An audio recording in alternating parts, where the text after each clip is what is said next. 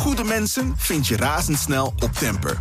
Plaats je shift op het platform en kies zelf uit duizenden freelance professionals op basis van hun ratings en skills. Van 1 tot 100 man, voor één shift of regelmatig, je vindt ze op Temper. Al vanaf 18,90 per uur. Temper, shift your workforce.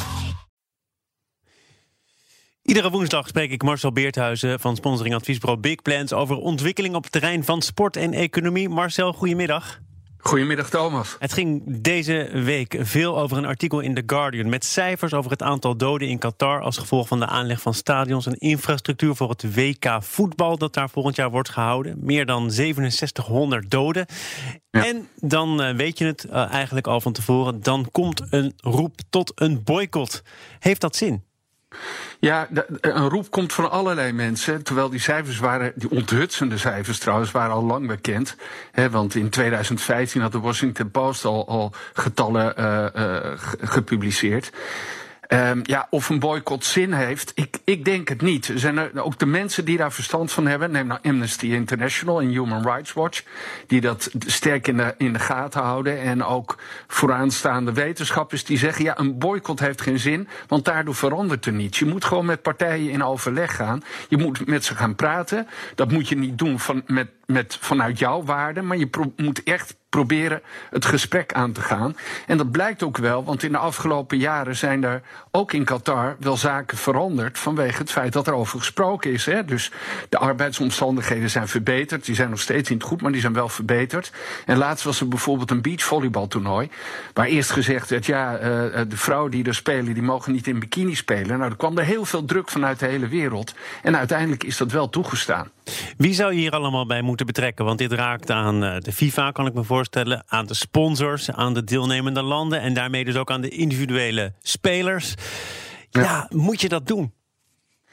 Nou, met spelers moet je oppassen, denk ik. Hè. Die, die, die, die staan ook niet voor de keuze voor dit land. Dus die moeten daar gewoon naartoe om hun land te vertegenwoordigen.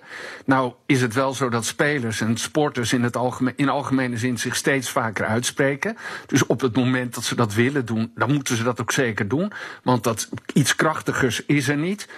Ja, er wordt ook al gezegd, gaat uh, sponsors boycotten die ook sponsor zijn van bijvoorbeeld een land dat er naartoe gaat of van, van de FIFA zelf. Ja, of dat nou echt helpt, dat denk ik ook niet. Hè? En net zo goed als een boycott van Qatar niet, niet werkt, werkt dat ook niet.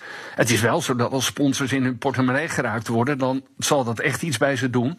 Uh, sponsors willen zich niet mengen in dit soort discussies. Achter de schermen gebeuren van allerlei dingen. En je kan hun natuurlijk wel vragen, en daar zijn ze ook zelf mee bezig om aandacht te, te schenken aan social issues. Ja. En, en ook initiatief op dat vlak te nemen. De KNVB uh, vindt overigens dat je dus daar ook al naar moet kijken als je. Uh, het toernooi toewijst aan een land. En er moet er wel bij gezegd worden dat volgens mij, maar misschien zit ik ernaast, dat, de, dat Nederland en België ook in de race waren voor dit toernooi. Hè?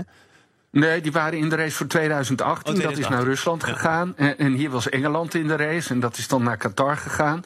Uh, ik vind wel dat de KNVB uh, actief is. Uh, er zijn wel meer sportbonden of voetbalbonden in Nederland. Denemarken en Zweden zijn zelfs al naar Qatar toegegaan.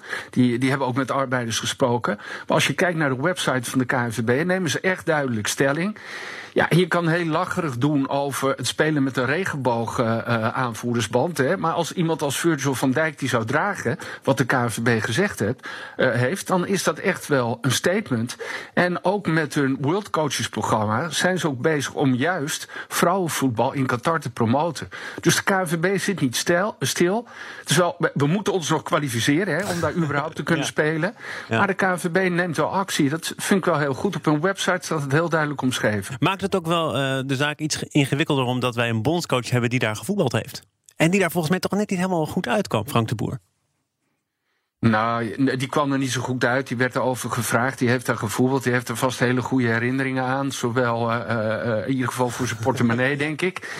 Uh, Nee, ja, dat zou niets uit moeten maken. En ik denk ook dat hij nooit uh, zal accepteren wat er allemaal gebeurt. Dus ook hij is iemand die zich uit zou kunnen spreken. En, en je moet proberen te veranderen vanuit, vanuit dialoog, denk ik. En daar zou je zeker aan mee moeten doen. Marcel Beerthuizen, dankjewel voor deze week. Tot de volgende.